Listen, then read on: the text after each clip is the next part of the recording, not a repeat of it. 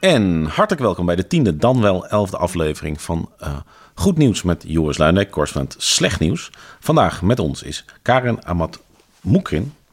2018 was uh, ze correspondent uh, verzwegen geschiedenis. letterkundige, schrijver en nu hard aan het werk aan een proefschrift in de vorm van een biografie van de grote denker en veel te vroeg overleden Anil Ramdas. Karen, hartelijk welkom. Dankjewel, Joris. Um, ik lees je stukken terug. Ik zou ook iedereen die dit hoort uh, met klem willen aanraden om dat ook te doen. Uh, er zijn zoveel dingen waar ik echt van achterover sloeg toen ik ze voor de eerste keer las. Bijvoorbeeld, hoeveel procent van het Franse leger in de Tweede Wereldoorlog was wit? Nou, als je, als je dat in twee jaar geleden, drie jaar geleden mij had gevraagd, had ik gezegd, ja, weet ik veel, uh, 98. Ja, precies. 40. 40. Ja, misschien zelfs nog wel minder. Misschien nog wel dat 60 procent was. Ja, was uh, van uh, uh, Noord-Afrikaanse of Afrikaanse, Afrikaanse afkomst. afkomst. ja. Dus uit de kolonie, uit koloniën van Frankrijk afkomstig. Dus Senegal, denk ik, en ja, Noord-Afrika. Dus dat, dat is het hele beeld van, van de Tweede Wereldoorlog eventjes ja. op zijn kop gezet. Dus het, het feit dus dat ik denk aan alle foto's die ik in mijn leven heb gezien van de bevrijding, wat toch echt voor een atheïst het moment is. Tweede Wereldoorlog is de allegorie van goed en kwaad alles. Mm. Ben, heb ik nog nooit een foto gezien waar wij werden bevrijd door niet-wit. Nee. En dat klopt ook, want jij laat in je stuk zien dat bij de val van Parijs is er expliciet voor gezorgd dat er geen foto's waren van zwarte soldaten die witte onderdrukte kwamen bevrijden. Ja. Dat is absurd, toch? En ik vind het heel mooi, ook wel tragisch, maar ook vooral ook heel mooi, omdat het heel duidelijk uh, toont hoe de geschiedenis echt uh, geconstrueerd is. Letterlijk, met veel moeite zelfs in dit geval. Maar um, dat je heel concreet kan zien dat alles wat wij denken te weten over de werkelijkheid die achter ons ligt, uh, dat dat heel um, objectief weergegeven is. En dat is natuurlijk helemaal niet zo. Dat is nooit zo. En dat weten we ergens wel in ons achterhoofd. Hè. Wat zeggen ze? Geschiedenis is het verhaal van de overwinnaars. Um, maar dit, in dit geval, uh, de, bevrijding van Parijs, dat er met, grote, met heel veel pijn en moeite. Een, uh, is het een woord regiment, denk ik, is samengesteld van, van uh, westerse Europese soldaten.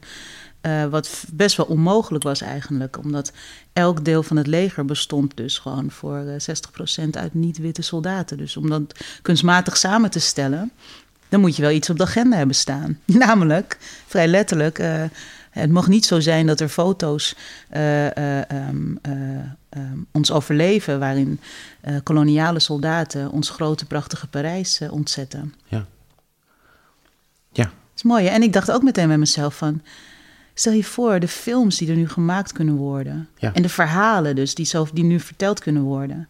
Ja. Die, waar, waar die soldaten vandaan kwamen. Hoe ze uh, uh, naar Europa kwamen. Uh, welke verhalen ze meenamen. En dat, dat, zijn, dat zijn prachtige verhalen die je potentieel zou kunnen vertellen. Maar ja, in een ideale wereld. In een ideale, want ik, ik weet nog toen jij begon aan je correspondentschap. Toen zag ik de, de, de titel daarvan, Verzwegen geschiedenissen. Mm. En toen had ik zo'n beetje zo'n uh, sputterende reactie van... Nou, nou, nou, nou, nou, nou, nou, nou. Had jij die? Ja, ja, ja ik probeer zo, zo, zo precies mogelijk bij mezelf die reacties te meten... omdat je dan ook kan zien over waar nog weerstand zit. Goed, waarom, ja, tuurlijk. waarom wil ik dat nou niet dat dat zo is? En toen dacht ik, ja, logisch, want ik...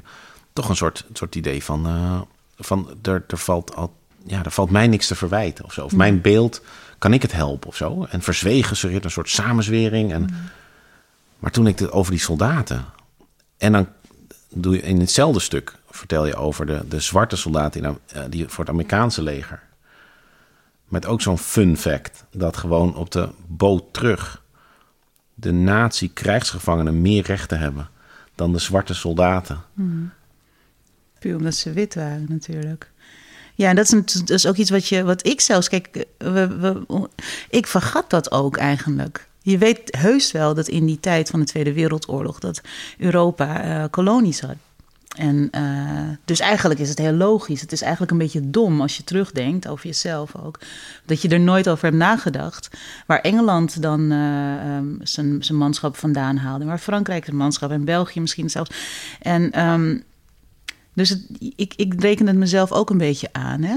Maar ook die, die Afro-Amerikaanse soldaten, dat, dat Amerika was compleet gesegregeerd in die tijd natuurlijk. Ja, apartheid. Ja, En ehm, eh, dan is het eigenlijk heel logisch, hoe breed dat ook klinkt, dat die zwarte soldaten ehm, geen wapens mochten dragen. Dat ze alleen maar eh, lijken mochten versjouwen en graven mochten.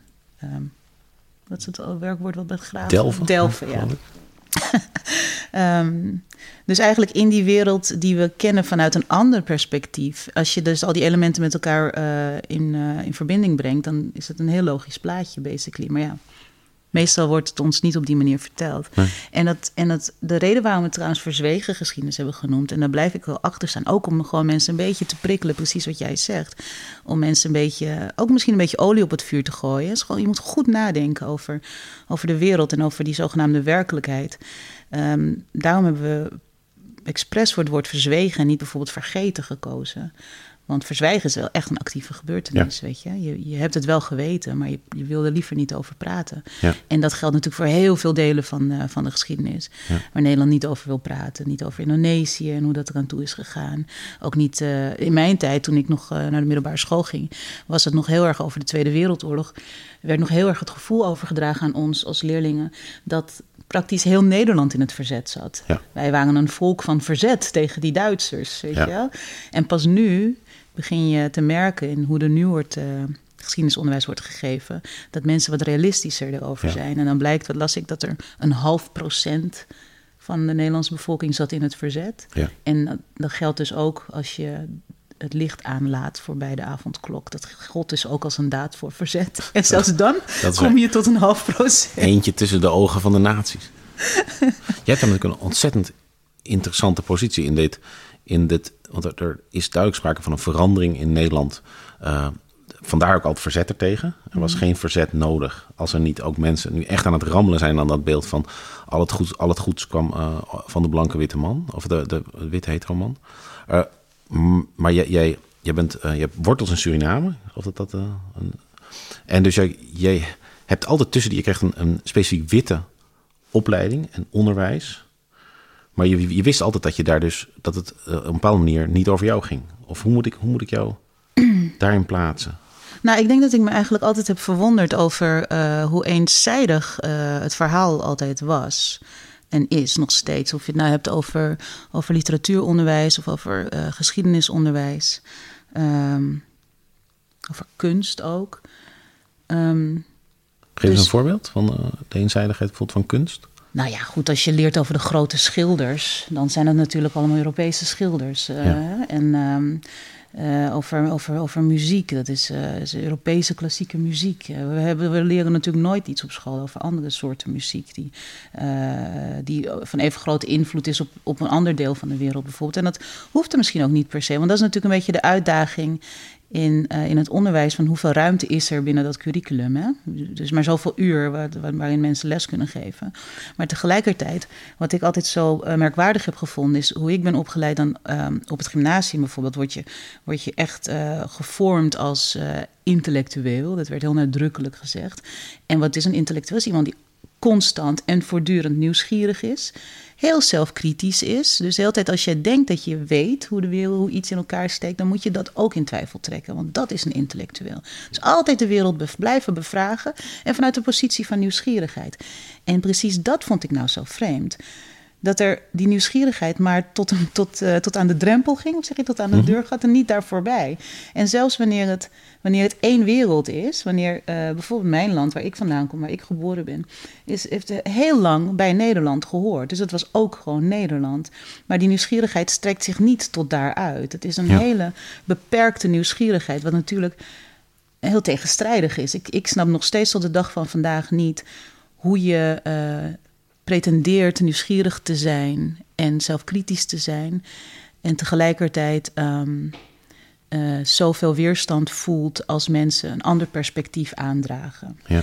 Ik snap wel dat het heel makkelijk is, eh, of dat het, dat het idee dat, dat jou iets kwalijk wordt genomen, dat jij schuld draagt voor, voor een geschiedenis, voor een gedeelde geschiedenis, dat dat, dat dat de eerste reactie is, omdat je natuurlijk nooit bedoeld hebt om op zo'n manier naar de wereld te kijken. Maar dan nog, denk ik, toch intelligente mensen zouden zich al vrij snel over die persoonlijke weerstand en dat gevoel van aangesproken te worden heen kunnen zetten. Om dan eh, iets nieuws te leren. En ik denk dat zoals ik, zoals ik dat uh, met uh, Verzwegen Geschiedenis heb gedaan, dat is, dat is eigenlijk zoals ik alles een beetje doe, is vanuit een um, liefde, denk ik, voor, voor verhalen en voor andere inzichten. En ook gewoon ja, die rijkdom zoeken van perspectieven. En dat is natuurlijk wat ik zo prachtig vind uiteindelijk, in ja. hindsight. Is dat ik altijd overal wel een soort oerverhaal in heb gezien. Uiteindelijk hebben we niet zo heel veel verhalen als mens. We zijn vrij beperkt, toch? Uh, ja, ik, ik, wel, maar ik zou het niet van jou willen zeggen. Nou ja, we zijn vrij beperkt in ons. Uh, maar dat oerverhaal, welke vorm heeft dat dan? Nou, het is niet één, maar dat ik denk dat, dat, dat je, de, dat je de, de, de, verhaal, de narratief in de Bijbel um, en ook in de Koran. Uh, ja, de Torah ken ik dan niet, maar dat, eigenlijk zijn ze allemaal op hetzelfde leest geschoeid natuurlijk. Dat is toch, um, komt het neer op, op, op ons onvermogen als mens om, um, om van nature, denk ik, te begrijpen hoe de wereld in elkaar steekt. En dus de hele tijd te zoeken naar manieren um, om ons hoofd boven water te houden en een soort van uh, begrip te, te, krijgen van de omgeving en van onszelf. En daar hebben we gewoon handvatten voor nodig. En ja. die zoeken we. En die zoeken we in elkaar en die zoeken we in de kunst. Maar die zoeken we ook in uh, hele banale dingen als, als geld en macht omdat dat een manier is om je van, van die weerwar van mensen uh, los te maken en daar bovenuit te stijgen, als het ware. Ja, je zoekt toch naar een structuur. Ja.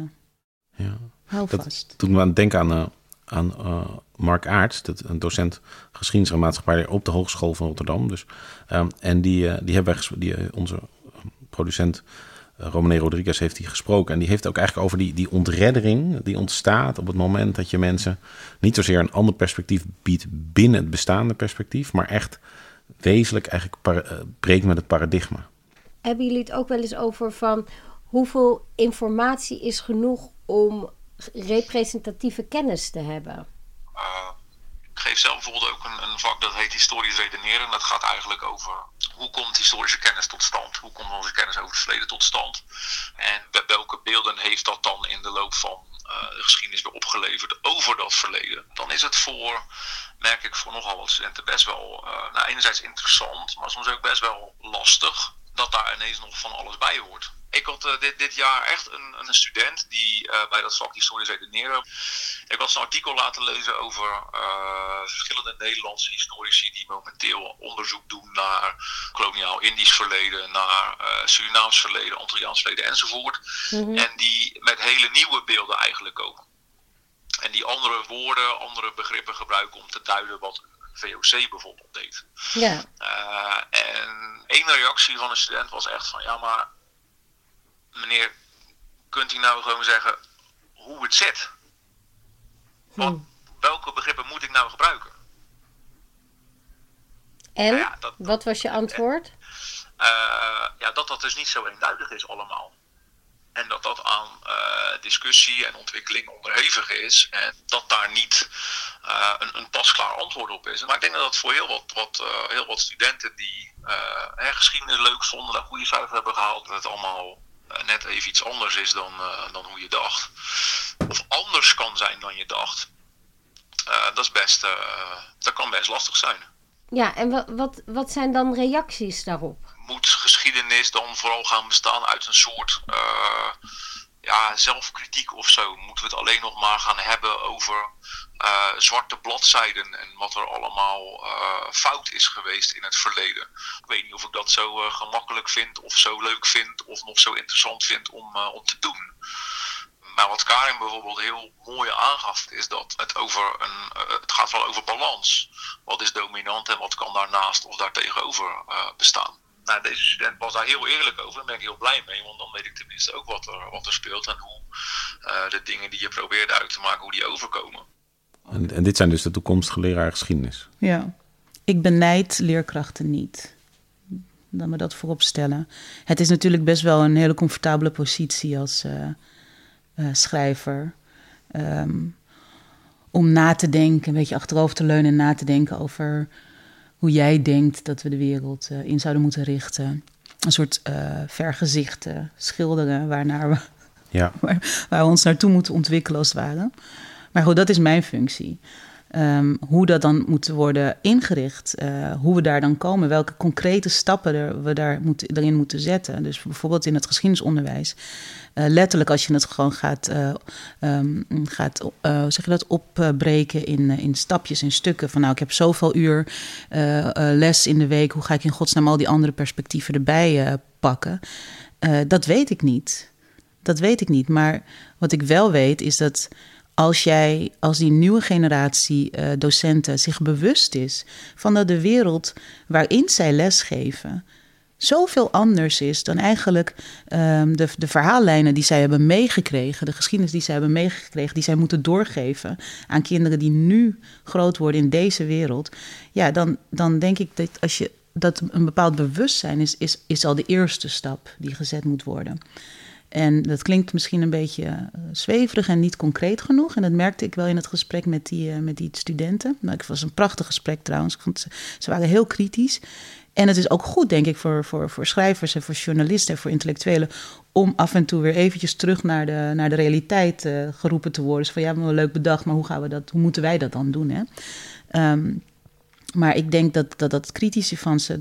en in het gesprek met mij en hopelijk ook met andere mensen, als ze dat soort dingen lezen, dat ze dan uh, gewoon zich bewuster worden van de, de, de discrepantie bijna tussen, tussen het curriculum en de wereld waarin dat curriculum valt. En wat wel uh, concreet nu wel aan de hand is natuurlijk, is dat uh, de Black Archives um, een poster heeft ontwikkeld met meer geschiedenis, letterlijk meer geschiedenis, waarin zij eigenlijk een handreiking bieden, denk ik, of nieuwe handvatten bieden um, voor, voor, voor docenten. Een hele grote poster die ze kunnen ophangen in het lokaal, waarin eigenlijk aan de hand van belangrijke tijdstippen in de Europese geschiedenis wordt geschetst wat er op dat moment in de tijd aan de andere kant van de wereld gebeurde, op andere werelddelen. En um, nou ja, dan ga je het gesprek aan, hopelijk, met je, met je leerlingen. Ja. Uh, veel dingen die jij ontdekte uh, in je correspondentschap verzwegen geschiedenissen, waren ook nieuw voor jou. Ja. Kun je eens de, dus eigenlijk je eigen emotionele ontwikkeling schetsen? Dus je, je komt van onwetendheid ja. en dan stuit je op die dingen. En dan? En dan zie je steeds duidelijker en steeds um, onvermijdelijker uh, de tred van ons, van onze soort, van de mens ontstaan. Datgene wat je echt al lang wist. En waarvan je vaak een beetje weg moet kijken, wil je nog een beetje gelukkig zijn. maar als je elke maand zo'n onderwerp aansnijdt en je ziet dat we echt slechte wezens zijn, dat we allemaal. Ja, dat het. Dat, het, dat de zucht naar zelfbehoud van de mens zo groot is. Dat we in elk tijdsgewricht eigenlijk, en misschien ook wel in elke context, ervoor kiezen om andere mensen ja, pijn te doen, basically. En, ehm, en onszelf, uh, er, om er zelf beter van te worden. Dat is wat, ik, uh, wat, dat is wat het met me deed. En ik, uh, dat is ook waarom ik niet dit jaar bijvoorbeeld niet dacht van we gaan het nog eens. Want het was best wel een populaire serie. Weet je? Ja. Het werd heel goed ontvangen en heel veel gedeeld. En ik word er nog steeds veel op aangesproken. En ik ben ook heel trots op hoor dat we dat hebben gedaan. Maar ik kon het gewoon. Ik werd er zo naar. Het was zo naar geestig. Ja. Ik werd er echt bijna moedeloos van. Ja. En, um... wat, wat, welk verhaal was het ergst? Oh jeetje joh. Het is ook echt een soort journalistenvraag van... Ja, nou, ik weet niet of dat het het erg of het, het ergst was, maar ik denk dat, um, uh, dat uh, Haiti me heel erg heeft geraakt. Um, ik had het daarover over uh, vrijheidsstrijd in Haiti. En vooral omdat ik um, een keer. De reden waarom, waarom, ik daarover had geschreven was ook vanuit. Um, omdat ik mezelf um, geconfronteerd zag met mijn onwetendheid, basically. Ik, ik, ik was bij, een, een, lezing uh, met allemaal schrijvers uit verschillende delen van de wereld. En er waren een paar Haitiaanse romanschrijvers bij. En, maar, en, en, ik besefte dat ik helemaal niets wist van Haiti. Alleen maar dat het verschrikkelijk arm is. En dat er enorme uh, natuurrampen gebeuren. En dat het eigenlijk een plek op de wereld is die we ja, allemaal hebben opgegeven. En die, een van die schrijvers die, die, die vertelde met zoveel trots en, uh, en die was zoveel zelfvertrouwen eigenlijk over, over haar cultuur. En toen ging ik me, in, uh, ging me daarin verdiepen en toen bleek dus dat dat, dat, dat land het eerste uh, kolonie was. Die, eh, die zich had vrijgevochten. Ja. Een eerste zelfstandige zwarte kolonie. Een natie eigenlijk. En daar komt hun zelfrespect en hun trots vandaan. En om er dan achter te komen dat eh, Haiti een gigantische schuld daardoor heeft opgelopen bij Frankrijk. Omdat het gold als de parel van de Cariben. Dat Frankrijk daar het meeste geld van al zijn kolonies verdiende. Frankrijk aan Haiti. Ehm, en dus toen zij zich hadden vrijgevochten met heel veel pijn en moeite, tot aan dat ze legers van Napoleon hadden afgeslagen. een onvoorstelbare ehm, krijgsmacht eigenlijk zelf hadden opgebouwd. Dat ze dus als voorwaarde voor hun zelfstandigheid een, eh, gigantische schuld opgelegd kregen, die ze pas, ik geloof in de jaren 40 hebben afgelost aan Frankrijk. Eh, toen ik, ik, toen ik dat ging schrijven, was ik, dacht ik nog van dit is tof, want hiermee kan ik de, de bouwstenen van onze wereld aantonen. Kan ik laten zien waarom dingen zijn zoals ze nu zijn. Eh, en dat, dat is heel mooi. Maar eigenlijk het onrecht is zo groot. Ja. Het onrecht van een volk dat echt gewoon op zijn knieën gedwongen is. Hoe lang het ook duurt, maar uiteindelijk toch op de knieën gedwongen en kapot gemaakt is. En dus dat je dan beseft dat er, dat er machten zijn die gewoon te groot zijn om, eh, om tegen te vechten. En het enige wat je dan hebt is je trots. En dat is wat je in Haiti ziet: een heel trots Ja. volk. En terecht. Maar meer dan dat, weet je? Ja, die, ik moet zeggen, die emoties die eh, al lezend had ik ze ook. Met name die zwarte soldaten die in de Tweede Wereldoorlog voor Amerika Europa bevrijden. En die dan een grotere kans liep, als ik je goed begreep, om te worden doodgeslagen door Ku Klux Klan leden. Omdat die juist zo'n aanstoot namen aan zwarten die trots waren op hun rol in de bevrijding van Europa. Precies. Dat vond ik ook heel aangrijpend. Dat vond ik helemaal. Dan heb je lijsten met eh, eh, soldaten, zwarte Afro-Amerikaanse soldaten, die zijn gelyncht toen ze terugkwamen uit de Tweede Wereldoorlog. Die dan in Amerika zijn gelyncht. En die lijsten zijn, die zijn oneindig. Oneindig. En dan zoek je die verhalen op. Eh, want daar zijn natuurlijk verslagen van, ook eh, artikeltjes in de krant en zo, omdat het natuurlijk niet zo lang geleden is. Mensen die gewoon op de bus stonden te wachten, heel trots in hun uniform. En daar dan op werden aangesproken door witte Amerikanen. En zeiden: Je denkt toch niet dat je net zo goed bent als ik, alleen maar omdat jij dat uniform mag dragen. En als zo'n jongen dan iets terug zei, dan werd hij gewoon letterlijk gewoon doodgeslagen. En dat is niet één keer, niet honderd keer, maar zoveel gebeurd. Ja, daar werd ik ook heel naar van. Ja. Dus op een gegeven moment eh, was het wel even goed. dacht ik van, nou, het is eventjes, eh, ik laat het even liggen gewoon. Ja. Ja, dan op een gegeven moment moet je echt... En natuurlijk het, het ultieme privilege dan, wat ik heb en jij niet... is dat ik, ik kan dit... Dit is een onderwerp voor mij op een scherm. Als witte man. Dus ik vind het heel erg. Ja. En ik, eh, zeker, ik heb heel veel rond moslims gedaan. Ik heb ook echt geprobeerd om een bijdrage te leveren aan een veel, veel rijker beeld van de islam. Bijvoorbeeld. Maar uiteindelijk kan ik hierna het klimaat doen. Of privacy. ja, maar dat kan ik ook. Maar jij, maar anderen, kijk, van, van, maar anderen kunnen jou, zullen jou blijven aanspreken op je huiskleur. Of jij kunt die, dat vermoeden blijven houden. Terwijl bij mij is dat niet zo. Dat is waar. Maar we hebben wel allemaal, iedereen heeft dan een privilege natuurlijk. Maar ik zoek een beetje naar manieren waarop we, Ja. eh, waarop dus als je dus, dus je, je hebt nu een groep witte mensen die, die dit proberen echt te internaliseren. Ja, Eh, een beetje de, wat, eh, die, die, die dan gekscherend good mensen worden genoemd. ja, en, en volgens mij staan die min of meer nu met lege handen. wat ze met deze inzichten moeten. Behalve dus een soort totaal niet productief schuldgevoel. ja. Ja, schuldgevoel schiet niet op natuurlijk. Dat is voor in de kerk. Ja. ja. Nou ja, weet je wat ik, wat ik altijd zo grappig vind? Is dat, eh, ik, snap, ik snap wat je zegt en ik, ik, dat is heel erg aan de hand nu en zo. Maar tegelijkertijd is het bijna een beetje wezensvreemd voor mij. Omdat ik denk als migrant ook en als kleurling natuurlijk en als vrouw. Dat is ook een ding, hè? vrouwen hebben dat ook. Ik ben veel minder, ik ben helemaal niet gewend om mezelf zo centraal te stellen in de hele beleving van deze wereld. En er zijn natuurlijk heel veel mensen die dat, heel erg, die dat niet anders kennen. Ja. Dus die de hele tijd alleen maar de wereld vanuit het hele centrale punt eh, bezien. En ik denk vrouwen, dat is misschien de meest eenvoudige vergelijking. Als we het hebben over de mensen die naar luisteren, zeg maar het publiek van de correspondent. Ehm, vrouwen hebben dat precies zo. Wij, wij moeten constant, altijd van oudsher, eigenlijk het mannelijke perspectief eh, internaliseren. En wij moeten om die verwachting van de man heen, of vanaf kleins af aan, moeten we ons, ons, onze identiteit opbouwen eigenlijk. Ehm, en we bezien onszelf constant door de ogen van een man eigenlijk. Hè? Ehm, dus ik denk, ik, daarom vind ik het, voor mij is het echt wezensvreemd wat, jij, wat, je, wat je nu zegt. Waarmee ik niet, uh, af, niks af wil doen aan, aan de realiteit hoor, uh, aan de, de, waarde daarvan. Maar ik, uh, ik denk dat, het, dat heel veel mensen er echt wel bij geholpen zijn als ze dat centrale punt even loslaten. Hm. Maar stel je voor dat je dat doet. Hm. dus, dus dat, en, maar dan, wat, want bij dus mannetjes zoals ik zit heel veel macht in Nederland. Ja.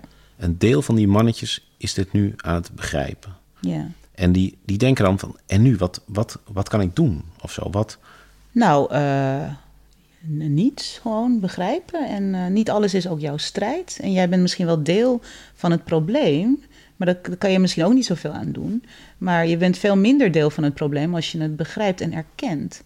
Ik, ik, ik, ja, ik, zit even te zoeken. Ik denk bijvoorbeeld, wat, wat ik nooit, wat ik, wat ik altijd zo, zo, zo, zo super moeilijk vind, is als mensen. Um, de, de, de issues die de LGBTQ-gemeenschap uh, op de kaart zetten.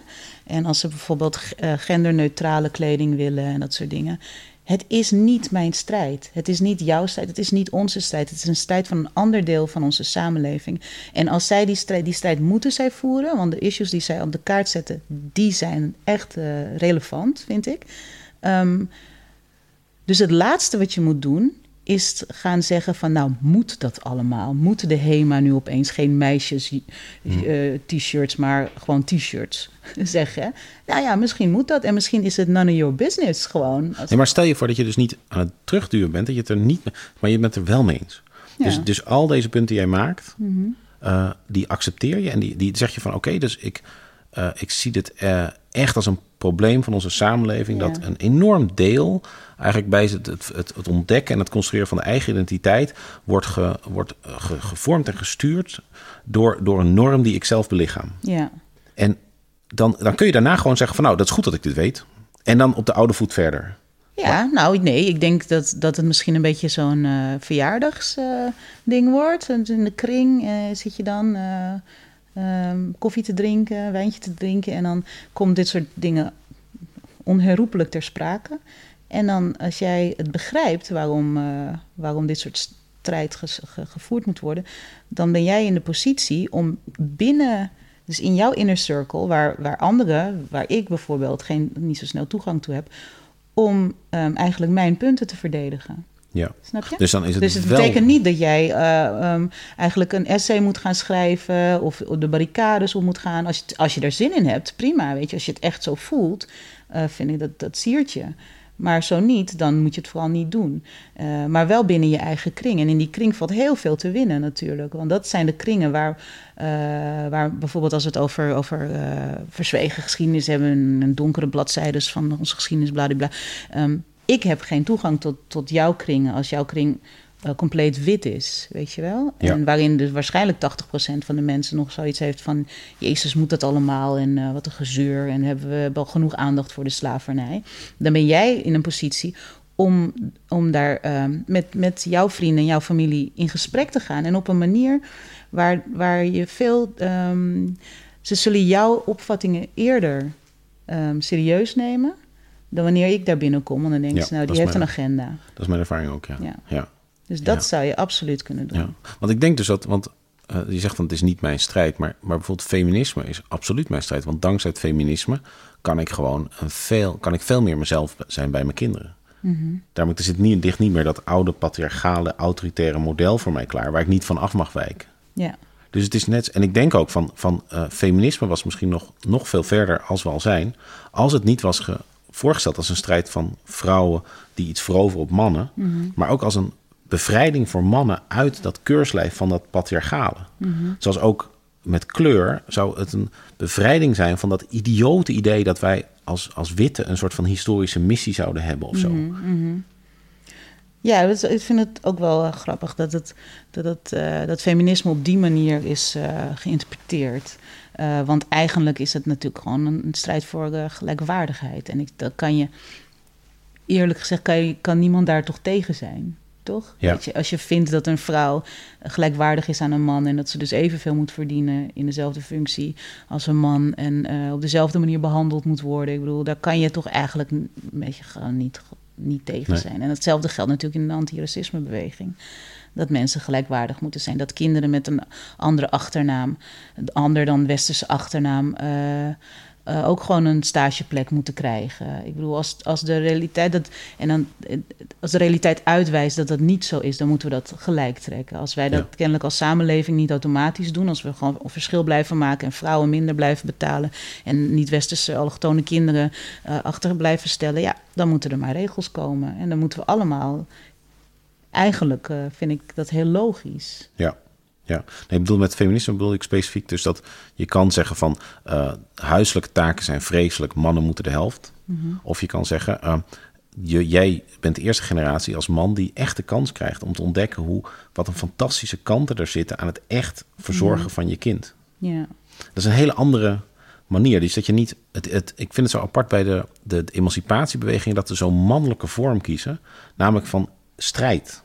Ja, maar dan komen we dus een beetje op het vlak van eh, allemaal leuk en aardig, maar moet het op die manier? Nou, ik denk dat strijd heeft zeker een element. eh, maar het strijd is dus als een zero-sum strijd. Van, van hoe meer jij thuis in het huishouden gaat doen, hoe meer ik win. Ja, nou ja, maar goed, uiteindelijk eh, zijn ook al, gewoon allemaal mensen en individuen. En als, eh, als een, een vrouw op die manier eh, de discussie aangaat of eh, op de bres springt en die toon aanslaat, dan is dat omdat zij zo'n karakter heeft. En Ja. dat betekent niet dat het niet waardevol is. En, en, en, en dat, dat argument, dat wordt, al, wordt. Ik begrijp wat je zegt hoor. En in jouw specifiek geval begrijp ik, als je het heel persoonlijk, heel individueel maakt, begrijp ik wat je zegt. Maar te vaak wordt dat argument gebruikt om mensen met al hun issues eigenlijk meteen, die zij op de kaart zetten, opzij te schuiven. Ja. Als je kijkt naar wat een Sylvana Simons eigenlijk aan de kaak heeft gesteld, dat is allemaal heel logisch. Er is niks vreemds aan. Ja. Maar iedereen blijft maar zeggen, of iedereen, heel veel mensen blijven zeggen, ja, maar die manier waarop, die manier waarop. En het is gewoon complete onzin natuurlijk. Heel Nederland is over haar heen gevallen omdat ze in één keer in een aflevering zei van, ehm, waarom noem je die mensen zwartjes? Dat is de enige opmerking die ze maakte. En toen was het hek van de dam. Is dat dan een manier? Had ze dat op een Ja. andere manier moeten... Hè? En, ehm, en dat, dat is, daarom ben ik een beetje allergisch voor dat argument van... ja, als we nou een beetje op die manier... want dat betekent dat we dus... dat mensen dus de hele tijd ehm, extreem veel rekening eigenlijk moeten houden...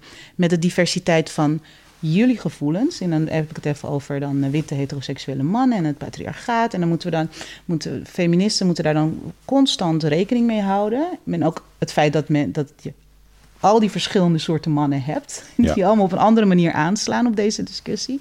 Van, ja, niemand heeft daar op een gegeven moment is het, is het gewoon klaar. En dan, heeft, heeft, dan heb- hebben activisten daar ook gewoon helemaal geen zin meer in. Ja. En ik, ik zeg dit vaker.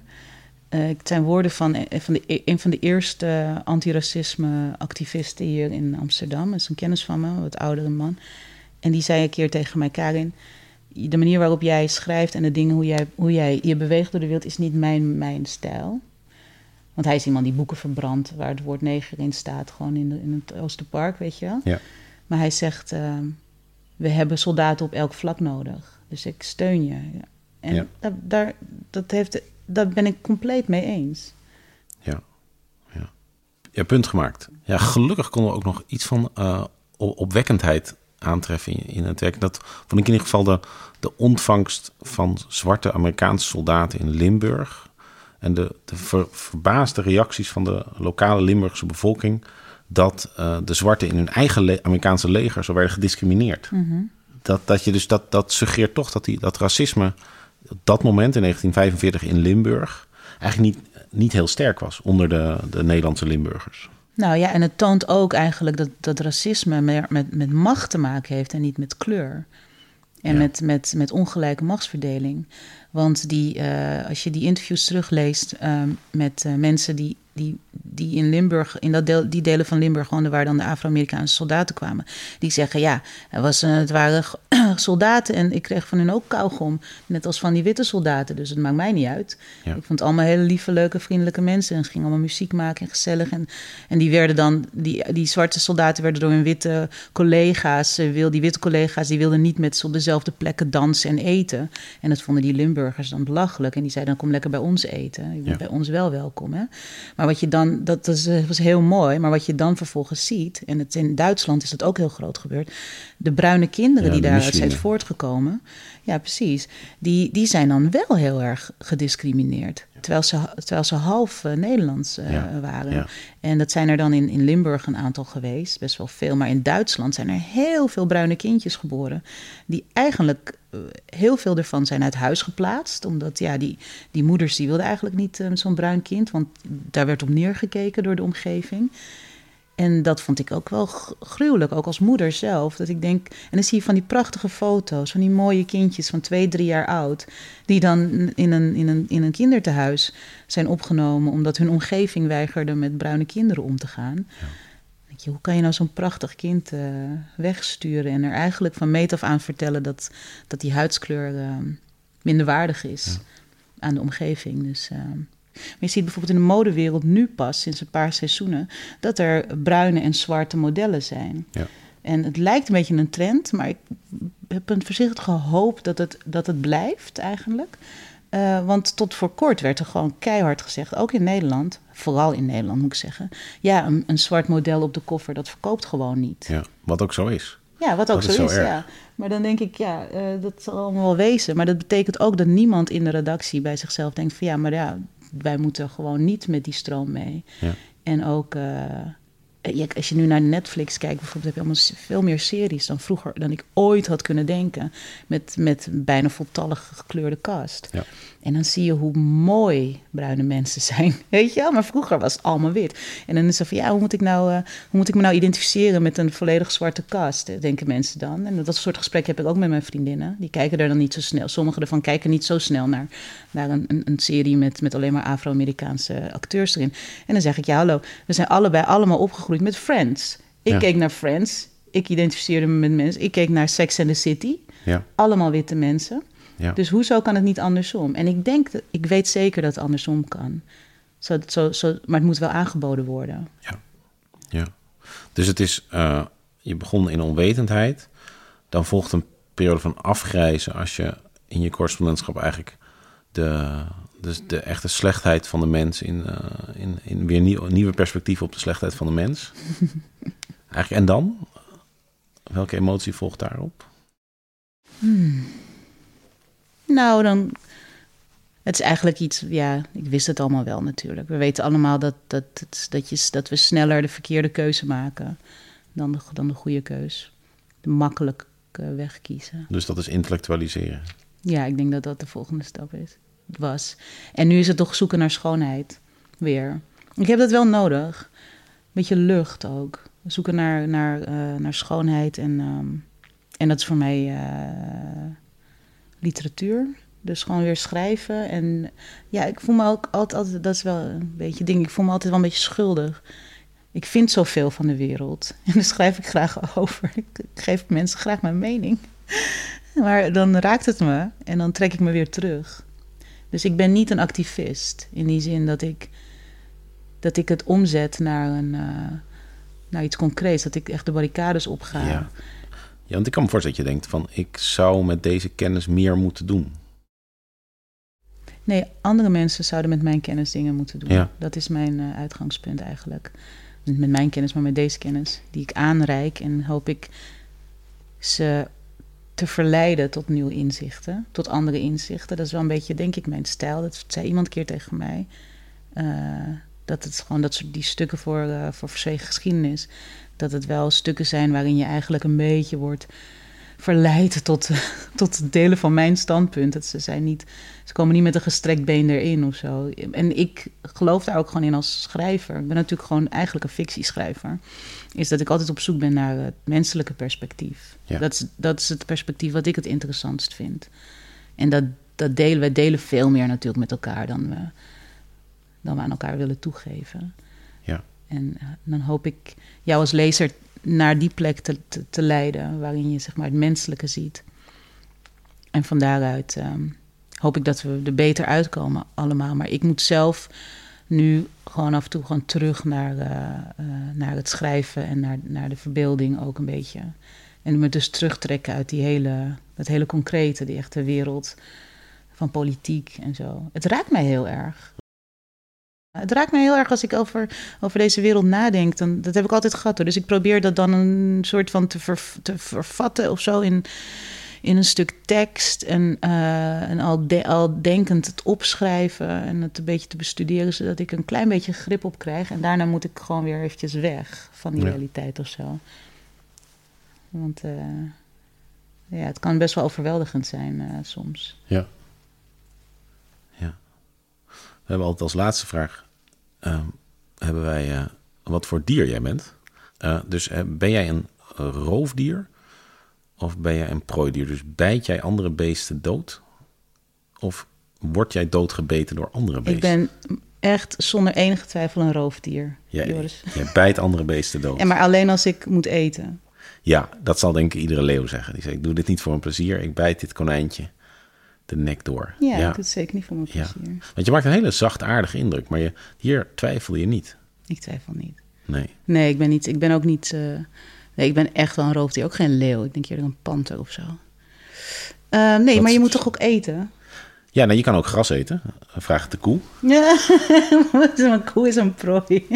Ja. Nee, maar weet je, Ja, het is als je een prooi bent, dan heb je dan voor mij, dat is dan mijn interpretatie van een prooi. Is, die heeft gewoon niet genoeg, eh, eh, houdt niet genoeg overzicht op de wereld. Die houdt, het niet, houdt dus zijn omgeving niet goed genoeg in de gaten. Ja. Ik heb altijd echt de, de noodzaak gevoeld om, om, om te strijden, om te werken, om te, om te roven ook gewoon. eh, soms vrij letterlijk, om, om te overleven. Dus ik ben een stuk eh, harder dan. eh, ik denk als ik op een andere plek, op een andere manier geboren was, dan was, ik, had ik, was mijn zachtere kant verder ontwikkeld.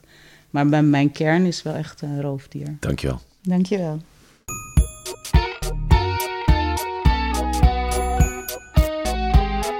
Dit was de negende, dan wel tiende aflevering van eh, Goed Nieuws met Joris Luijendijk, correspondent Slecht Nieuws.